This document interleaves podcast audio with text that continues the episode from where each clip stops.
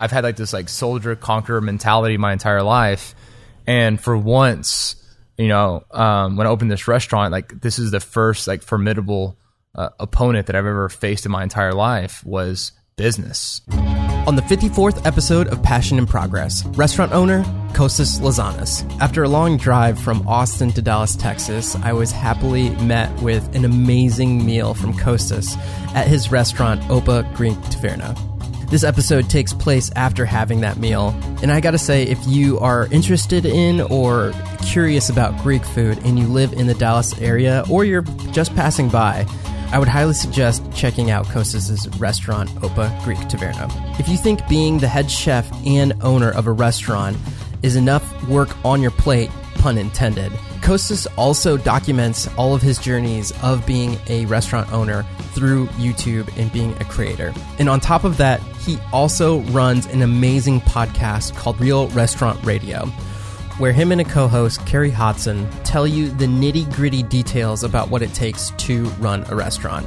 And even if pursuing being a restaurateur isn't in your near future, I still got a lot of information from listening to their podcast, which we dive into in this podcast. So if you think that's something that you're into, I highly suggest checking out Real Restaurant Radio. As always, thank you so much to my patrons for supporting this podcast and what I create on Patreon. If you would like to support me in that way, I'm at patreon.com forward slash Javier Mercedes.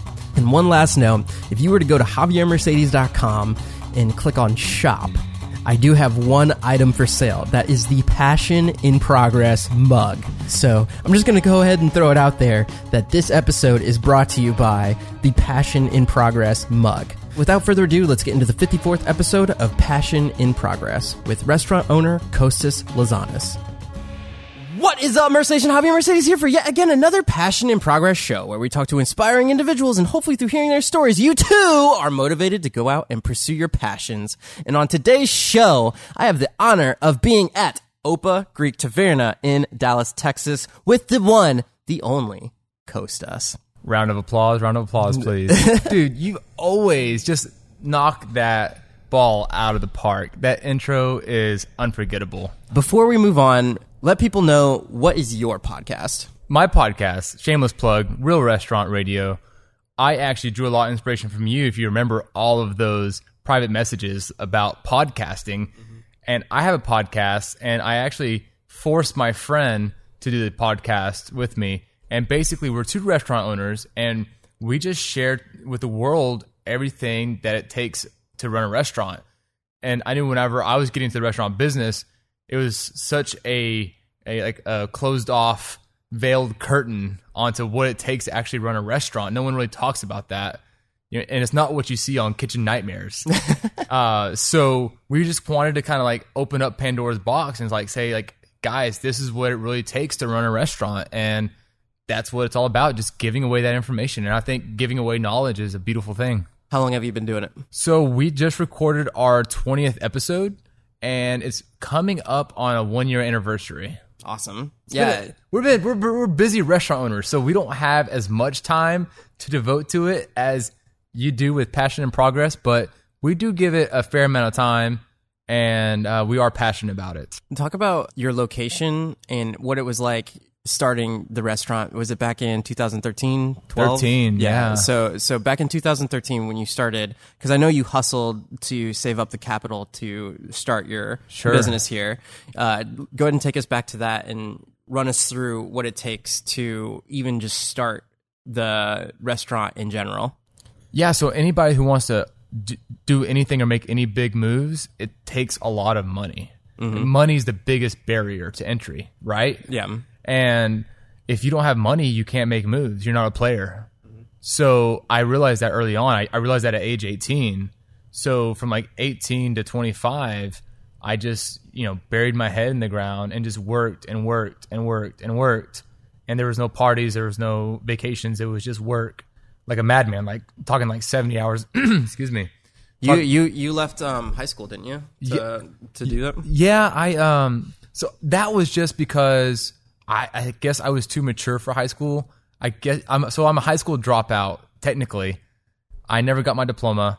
I I found out about dual credit and I was like, dude, I just don't need high school. I got all my credits already. I'm already taking uh, calculus AP as a junior. Like I don't need to come back my senior year. They're gonna stick me in study hall classes and and like all these different classes that are like fluff classes. Mhm. And I realized early on like that I had already accomplished. I'm already as great as the seniors were, mm-hmm. and I realized that that was a waste of my time. And it's so funny because this guy named Gary Vaynerchuk came around recently, and everybody's just like sapping up his his his like information and his like his preaching, and like I was preaching that ten years ago, and like I was like, why buy something if you're not gonna use it? Mm-hmm. And so many of these kids today are going to college and dropping 20k, 30k. Remember how much those books are? Like 400 bucks for one book. Like that's ridiculous. Mm-hmm. It's a it's a it's a it's a scam. And I think as an entrepreneur, as you open up your eyes, it opens up your eyes. Like when you take a bite of that apple, that forbidden fruit, when you open up your own business, you realize that everything's a business. No one's in it for for your good. Like no one, they don't care about your education. They care about making money. You're just a product in the in the game of capitalism. The other thing, though, that I want to bring up is what you thought military school was and all that stuff, too. So, just to give people a background of your skill set as a leader and everything that was there, too. I actually I was 12 years old and I was like watched one too many Rambo movies, as most 12 year old boys do, Yeah. uh, and I wanted to be this like perfect soldier. And I remember very vividly this movie called Soldier, starring Kurt Russell, and it was like this perfect machine soldier, and I wanted to be that. And like I actually went online, and this is AOL dial up back back in you know 2000, and I printed off these sheets. And, like this is the military school, and like I found out the Marine Corps was the most hardcore branch in the military.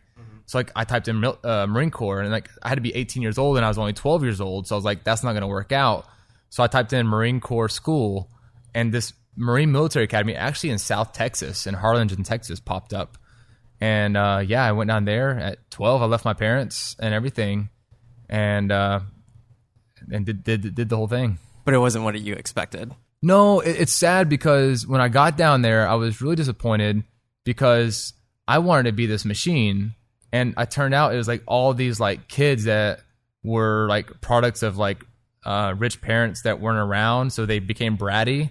So the parents just put a band-aid on it with their money, thinking that like twenty thousand dollars a year by sending the kid to military school would help the kid.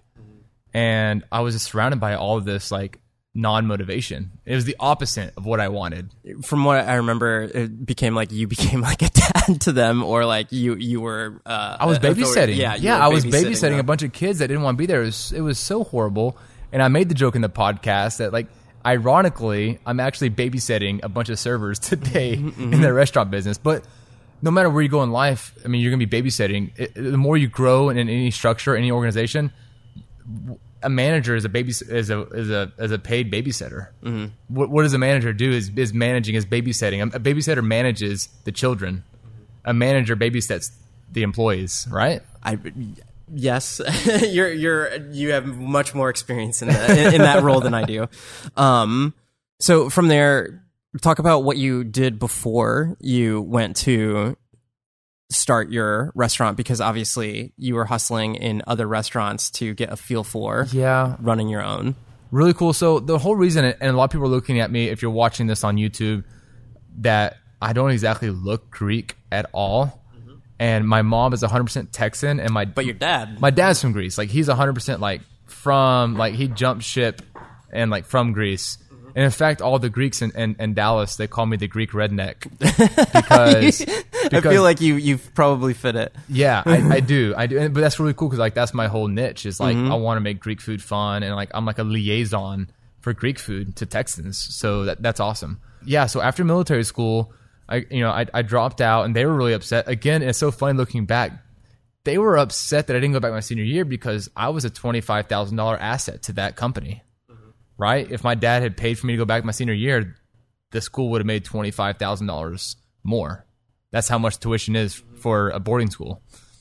It's so funny looking back at that. It's all business. That's it's it's sad, but that's just how life is. Whenever your eyes are opened up to the world of business, it's it's all dollars and cents. Unfortunately, so I yeah I, I went to Eastfield, which is a local community college. I was like acing every class because everything was just so simple because everything is so dumbed down for like the low income students to make them like pass the classes and i'm over here like this like super hardcore college preparatory military militant studying like unceasingly studying all through the nights and i come to this like community college i'm like drop your lowest test grade and replace it with your highest test grade like it was crazy 12 hours is full time i was like how many classes is, is 12 hours like that's four classes i was like give me like 10 classes so I got my associate's degree in one year, which was actually pretty easy to do if you're living with your family.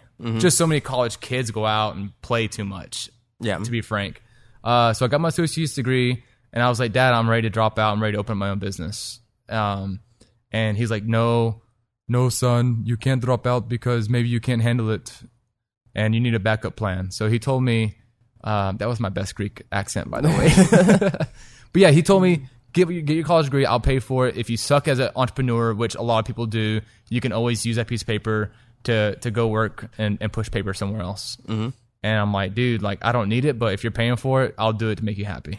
So I got my bachelor's degree in entrepreneurship with um, in business, and um, and then yeah, open up the restaurant. But you did work in other restaurants before. Yeah, I did. one, yeah, I did. I'm so sorry. Yeah, yeah, I did. So it was so. I mean, again, um, my dad was really hard on me being an immigrant. Mm-hmm. He was like, uh, you know, you raise some money, whatever you raise, I'll match. Mm-hmm. So from age 19 to 25, and it doesn't sound like a lot of money now, but I raised uh, almost sixty thousand dollars. Uh, sounds like a lot of money to me. It sounds like a lot of money, but but in the grand scheme of things, I mean, sixty thousand dollars buys you a few pieces of commercial, commercial equipment. Like it's so crazy that you work for dollars and pennies, and then you spend it thousands of dollars at a time. You know, five thousand for this, four thousand for that, eight thousand for that. And next thing you know, it's all gone in the blink of an eye. It's crazy how the commercial world works. Besides your equipment, there's also permitting. One of the ones that I didn't even think about is when you're playing music. Like, can you explain like what you have to pay just to play music at your place? Yeah. So when you own a restaurant, and I, and I can't speak for all the other businesses, but it's like they see you making a little bit of money, and everybody's trying to take from you. That's what it feels like. Like, like, give me a slice of that cake. Like everybody wants a free ride. And when it comes to music, and as a YouTuber, I'm learning more and more about it. But there's all these like licensings and royalties and like proprietary information. And there's like four, three or four companies that are i mean we call them the pimps. Uh, you know we call them Because what value are they providing yeah, to you? and all they do is collect and what value and honestly though javier is like what value do they provide to the artists? So yeah bmi great company. Um, and there's a few other ascap. There's a few of these companies basically that they uh, regulate what is played in restaurants so depending on your square footage depending on the amount of uh, live entertainment you have depending on how many tvs you have they base all of that stuff uh, and then they'll send you a bill in the mail and it's like you got to pay x amount of money to play live music or to play music even on your radio My mind is blown right now. you know as restaurant owners you pay or you don't pay and then there's actually been some restaurant owners that have have you know had lawsuits against them because like that's like we're trying to run restaurants they're only trying to like you know create law papers to like sue you you know yeah. It's, it just baffles me that that's a thing, but I guess it makes sense. it makes sense Kind of, I guess. I don't know. What's interesting to me is I feel like if you're a radio station, they're getting taxed or whatever whatever that is. And then they get the secondary payment off uh commercial entities. Like because i imagine target has to pay the same thing if they're playing music over their uh speakers but i just didn't even know that was a thing. There's so many things that customers that sit down and eat at a table say, why is this roasted chicken fifteen dollars when I can buy a whole chicken for five dollars? Like there's so much that goes in to that dish, and it's not the food. Like the, the food cost for a good operator is around twenty five percent, but the profit margin for an operator is you know three to four percent.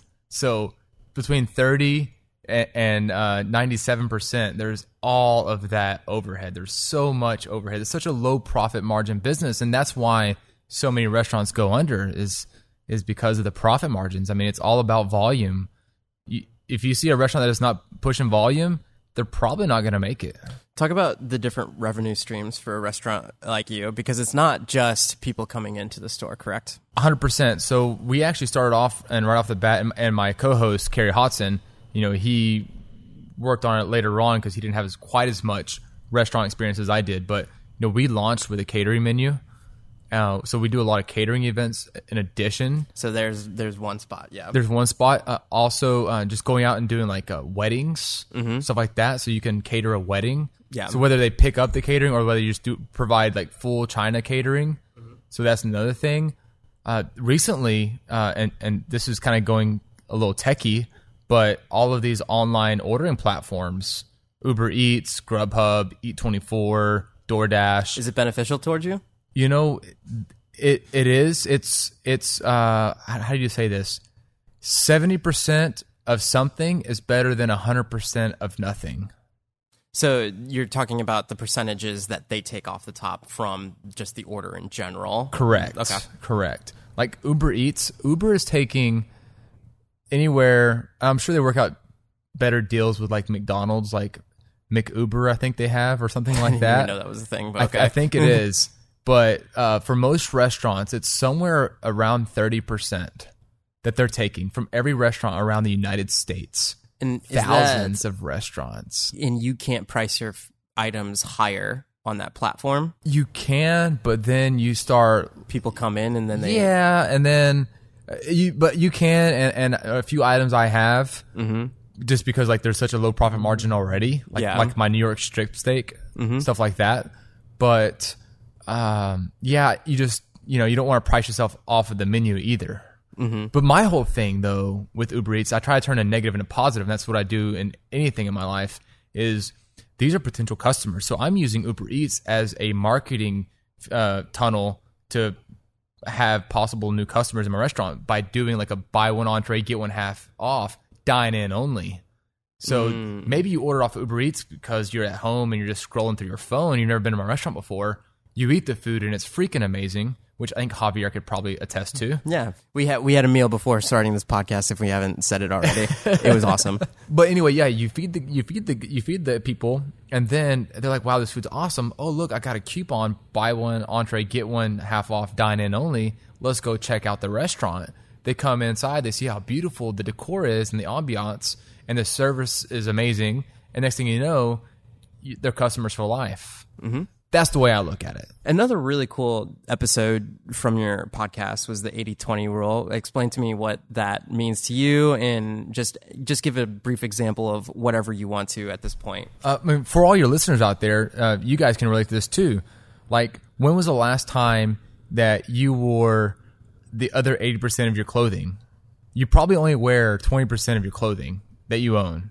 That's that's a fact by the by the uh, the theory Of 80-20? of the 80 20 rule. And, um, you know, you only, um, like in, a, in an organization, in a business organization, 20% of the people do 80% of the work. Or 80% of your problems are caused by your bottom 20% of staff. Or on a menu, there's 20% of your entrees are selling 80% of your of your revenue type thing. So that thing can be like for some reason it's a weird phenomenon, but it can literally be um, you know p- brushed across the entire spectrum. Give an example of like why does that matter? I think just as an entrepreneur, just be cognizant of like what you can do to kind of help hedge against that or just come to terms of realization of that. So it, like for instance with the employees, if you have, you know, those em- bad employees, maybe don't focus 80% of your attention on the bottom 20% of your employees. Mm-hmm. Like they that might not be as effective. So uh, when it comes to uh, basically like time management and stuff like that, uh, it really helps you kind of check yourself every now and then. That's what that's what that's so great about that principle. Well, speaking of time management, talk to me about how it's been being a content creator, YouTube, owning a restaurant, and doing a podcast. It takes a lot of focus, a lot of discipline, and you gotta sacrifice. Something's got to give.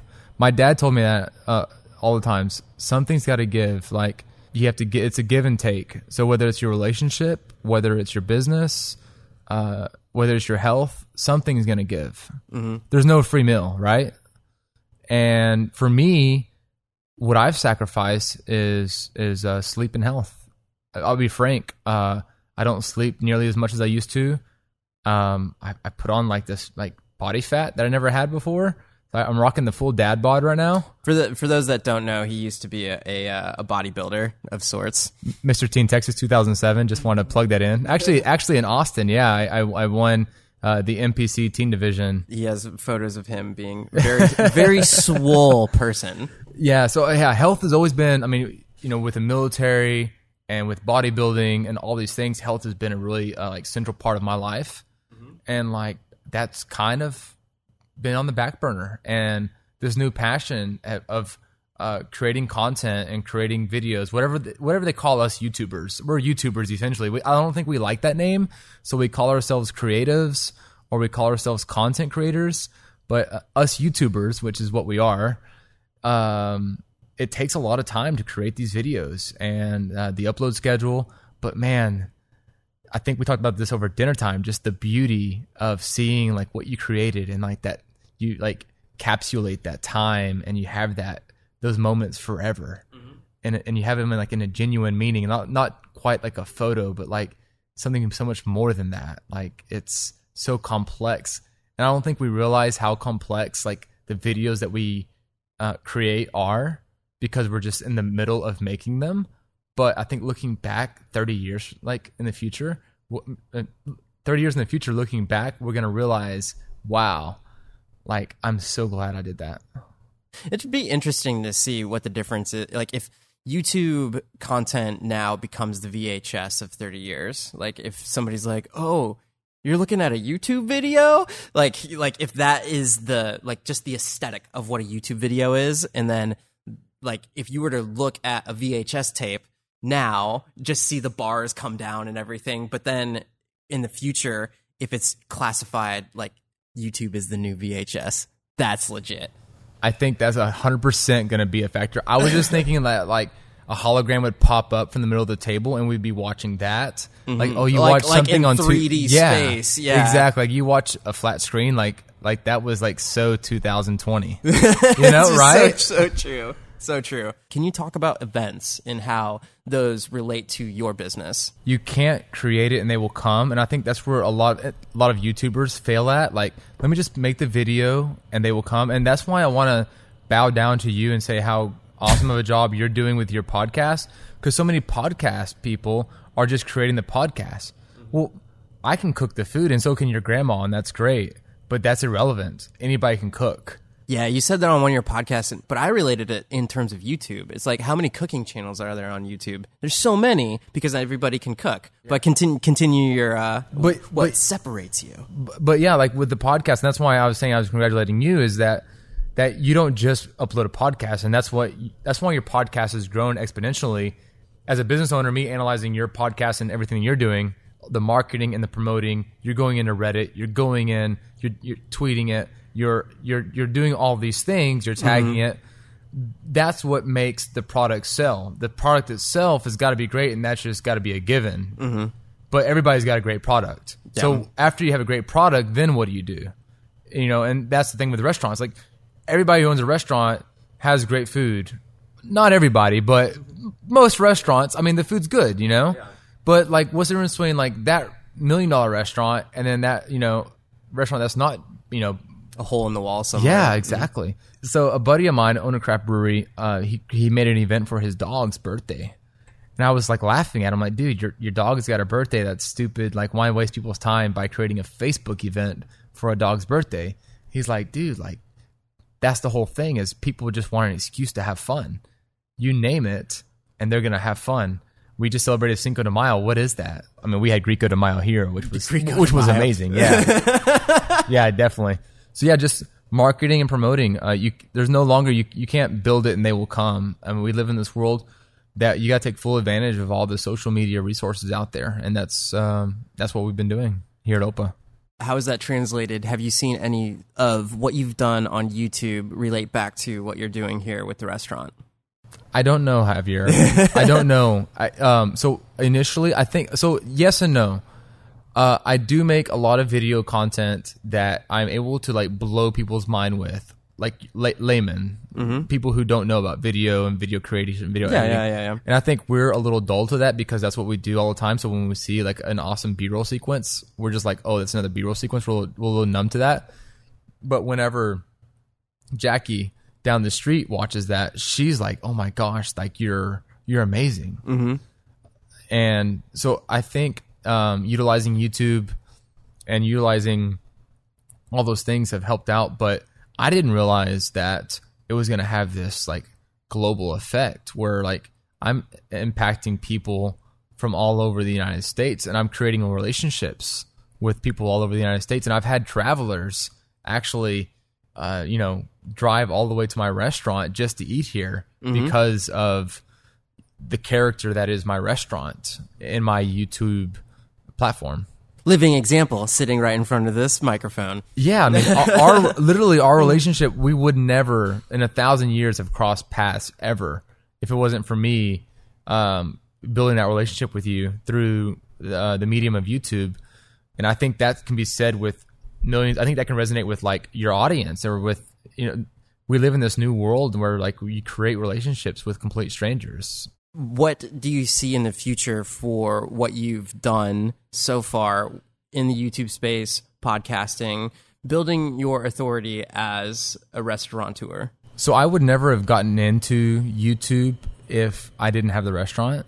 Mm-hmm. Because the only way I was able to justify dropping twenty thousand dollars on e- YouTube equipment was because it was a marketing expense for the restaurant, and I probably didn't have to spend that much money. But as you know, it takes money t- to make money type thing. And i knew i wanted a certain look and a certain quality um, to the to the youtube videos that i could only have with the equipment that i bought. Um, i don't know like I, I take each day at a time and it's it's a wild wild west. There's so many at my level right now where i'm at in the in the restaurant game there's so many opportunities that present themselves to me um, and this is not YouTubing. This is just like restaurant touring. Uh, you know, you can buy and sell business at my level right now. I can buy and sell. I can sell this restaurant and start another restaurant tomorrow. That's one one factor. And uh, you know, this restaurant could probably sell for around three hundred thousand dollars, and I could probably open another restaurant for like I could probably take three hundred thousand, and I can probably borrow you know one point five million and build something from the ground up the thing is though is as you get older as you have children um, that maverick you start to lose that maverick you know like that wild horse. And that's one thing that i, I never want to lose. Like i always want to be uh, uncomfortable. Yeah. And i that's why i love this whole youtube journey. It's like i've conquered everything in my entire life. Nothing has ever been um like unconquerable. Like i was cadet of the year and i was eagle scout of the year and boy scout of the year and um you know i was you know whatever they gave me in college all these awards and i was like a 25 year old restaurant owner. I've been like this like uh relentless machine of conquering. And i know that's like not like really politically correct these days where everything's supposed to be like furry and happy and everybody wins but i've had like this like soldier conqueror mentality my entire life. And for once you know um, when i opened this restaurant like this is the first like formidable uh, opponent that i've ever faced in my entire life was business. Because business will chew you up and spit you down and and it doesn't care about you at all. Like there's no there's so many players in this game called business and like it's it's the most ruthless game. It's the most hardest game you can play. What does the term money follows value mean to you? money follows value is only a small part of that equation because so many people have value but don't execute the means of making money with that value.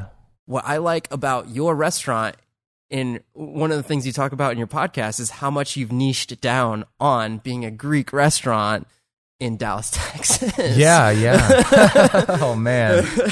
Yeah, don't get me started. It's a double edged sword. Yeah, niching down. Um, provide. But what, what I meant by that is that like you've got to be smart about it, right? Because uh, everybody provides value. I mean, look at these YouTubers. Everybody's providing this value, but I mean, I love. Uh, we have a mutual friend, Cody Warner, uh, that really is like, this is how you make money.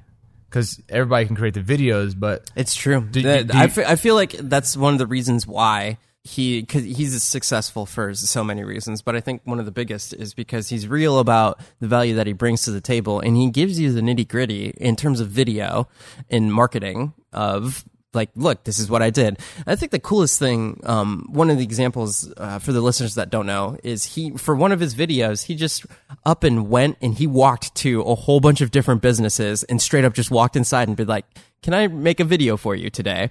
And I think he talked to like 10 business owners that day, but he was, his, his whole concept for that video was how do you make money as a video guy? And he was breaking things down, but he throws it for a twist and he, he goes and he, he actually does everything that he's talking about, which I think is super cool. and I think he made a video. I think and somebody ended up paying him that day. Yeah, he put pen to paper and he he actually does what he's saying, which I think is really cool. Um, which is one of the reasons why I like the the kind of content that you make because it's like, hey, I'm actually a, a business owner. yeah. I I actually know what I'm talking about because I'm doing it right I now. I think I do. I think I do anyway. But yeah, m- money doesn't follow follow value. I think that that's too too broad of a term because a lot of people uh, provide value, and a lot of people that provide value do not know how to harvest the money that they could garnish with that value. If that makes sense. I, I don't think there's any right or wrong answer. I, the reason I ask is because I just like to see what other people's opinions are on it. I feel like there's a lot of people that can say things on Instagram and then not act upon them. But then, like we were just talking about with Cody, it's what's really cool is like he says stuff, but he actually does the things. And then getting opinions from somebody that's actually been through the thick of things, running a business themselves. It's good to hear it from somebody that's actually doing Yeah. it, you know? Um, Well, thanks, man. I appreciate that. in the content space, I believe in the beginning you set out to be like, hey, I can start making content and then this will drive more traffic towards That was restaurant. yeah. That Yeah, was yeah. the initial. yeah. that was the initial reason of getting to YouTube because I was already creating videos for Facebook, which a lot of my customers, uh, you know, forty to, to sixty year old customers are are primarily on Facebook. Mm-hmm. Uh, the initial reason to get on YouTube was, uh, well, the initial reason to buy buy camera equipment was to create better content for all platforms, primarily Facebook, to be frank, just to reach out to my customers. Um, but I started uploading to YouTube, and I like random people started messaging me, and then I started like getting involved in the community, the community involvement. You started watching other people's content, and you know I gotta. I keep on saying his name, but I gotta thank Cody Wanner because he created that Facebook group called No Small Creator, and just being able to engage with other content creator, other YouTubers, excuse me. I just gotta call them YouTubers because that's just what that's what we are. You know, we have to we have to just come to um, terms with that terminology the whole thing just shifted and pivoted to like I just want to create content because I love YouTubing and I love I love like this like subculture of YouTubers and it, it's it's the camaraderie is amazing. You do do the restaurant, but then talk about where that's taken you as a creator, uh, business wise. So yeah, it's it, it's so funny. I just got done shooting my second wedding uh yesterday. Funny how that works. On, yeah, on you buy Saturday. you buy some sweet cameras, you start learning how to do some B roll, and they're like, ah, I wonder how I can do this for money. I, well, you know, it's so funny because you know, in the restaurant business for catering, you got to like cook the food, load up the food, bring out the food, bring like two or three assistants. Uh, you know, you might charge like three thousand bucks for a catering, but you know, you can charge three thousand bucks with you and a camera. And I'm like, whoa, like that's pretty sweet. So I can let the restaurant do its thing and make money. And I know like some um, videographers that are making like 100k a year. Mm-hmm. So if I can get the restaurant to run itself, and I can make an extra 100k a year shooting weddings, like how awesome is that? And I'm doing kind of what I love. Not that I should um, take away from the uh, restaurant in any means, because like this is at the end of the day my bread and butter. But uh, it's all a hustle, and that's what life's all about. And the fact also is like, if the restaurant for whatever reason like f- fails or dies or whatever, or if I sell it, like I have this whole other set of skills to fall back on that I never had a year ago. hmm I'm curious though, because you guys talk about on your podcast how well a restaurant will do if you are not there. So, what does that look like if you are splitting your time now being a videographer versus um, being at the restaurant? So that's pretty much what I've done this entire year. I've I let go a little bit of the restaurant and let it kind of run itself a little bit more. Mm-hmm. And I don't know uh, how much of impact it had on my restaurant. Sales are down a little bit this year. I don't know 100% if that's from me not being in the restaurant. Like I'm still here quite a bit. And with uh, 2020 technology, I actually have like live security cameras on my phones uh, and on my monitors. I have like four monitors at my editing bay, so I can like keep the restaurant there in the corner of my eye. So if I see anything, I can just make a phone call. So there's a lot of things that we can utilize, and that's what's so great about YouTube is like you all of a sudden you're like this tech guy. You turn into like this tech nerd with YouTube. So now I know that I can like stream and do all these different things uh, on YouTube. Like I learned about um, mobile desktop. So like I can like if they have like if I need to do something at the restaurant, I could literally do it from like my editing uh, office that's off site from the restaurant, and I can like print something here in the restaurant. Like, hey, grab this print off and give it to somebody. So that I didn't know about any of that stuff before I was a YouTuber.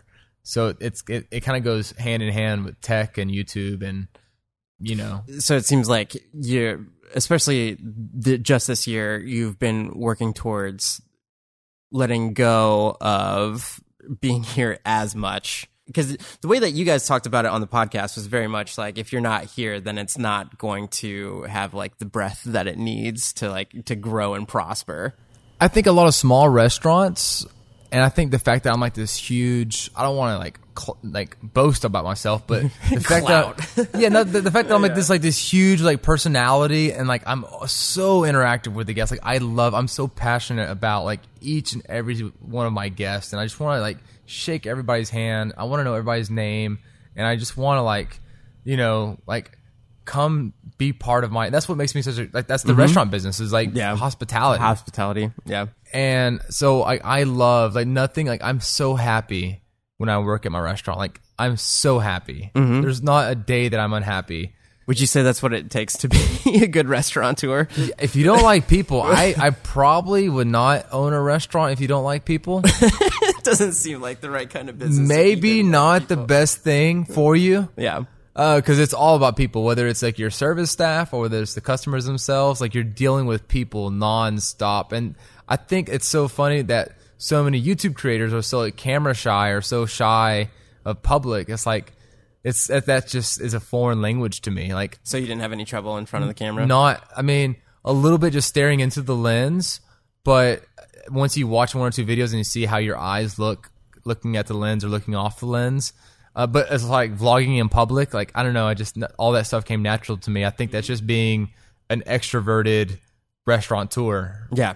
All right. Well, we'll cap the uh, the podcast off. Why do you do what you do? Why do I? You guys, see, you told me you weren't going to ask me any hard questions, but this is like a deep philosophical question here.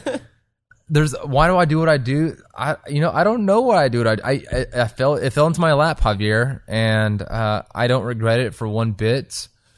Um, if I could take it back, would I own an accounting firm versus a restaurant? Maybe. Would I own a doctor's office and have doctors working for me versus servers? Maybe. I, I don't know. Um, it's hard to say unless you were doing what they were doing. And I think, you know, you meet so many awesome people on this podcast, and I'm sure everybody's happy with what they do. Mhm. So, uh, with that being said, it, it if everybody's happy with what they do, it's hard to, for me to say if I'd be happier doing something else. Is there like this the higher the highs, the lower the lows? I say so. You know, with all this excitement and happiness, you know, there are times where I'm leaving the restaurant at like three in the morning, and like I haven't seen my kids in like three days because I'm working like three like 18 hour shifts and um, I mean, it could be a, a dark, lonely, sad place as as much of it as is happy because like all the customers are here and you're happy, and then they all leave, and you're alone at the restaurant and you're sad. So, um, the question was, why do I do what I do?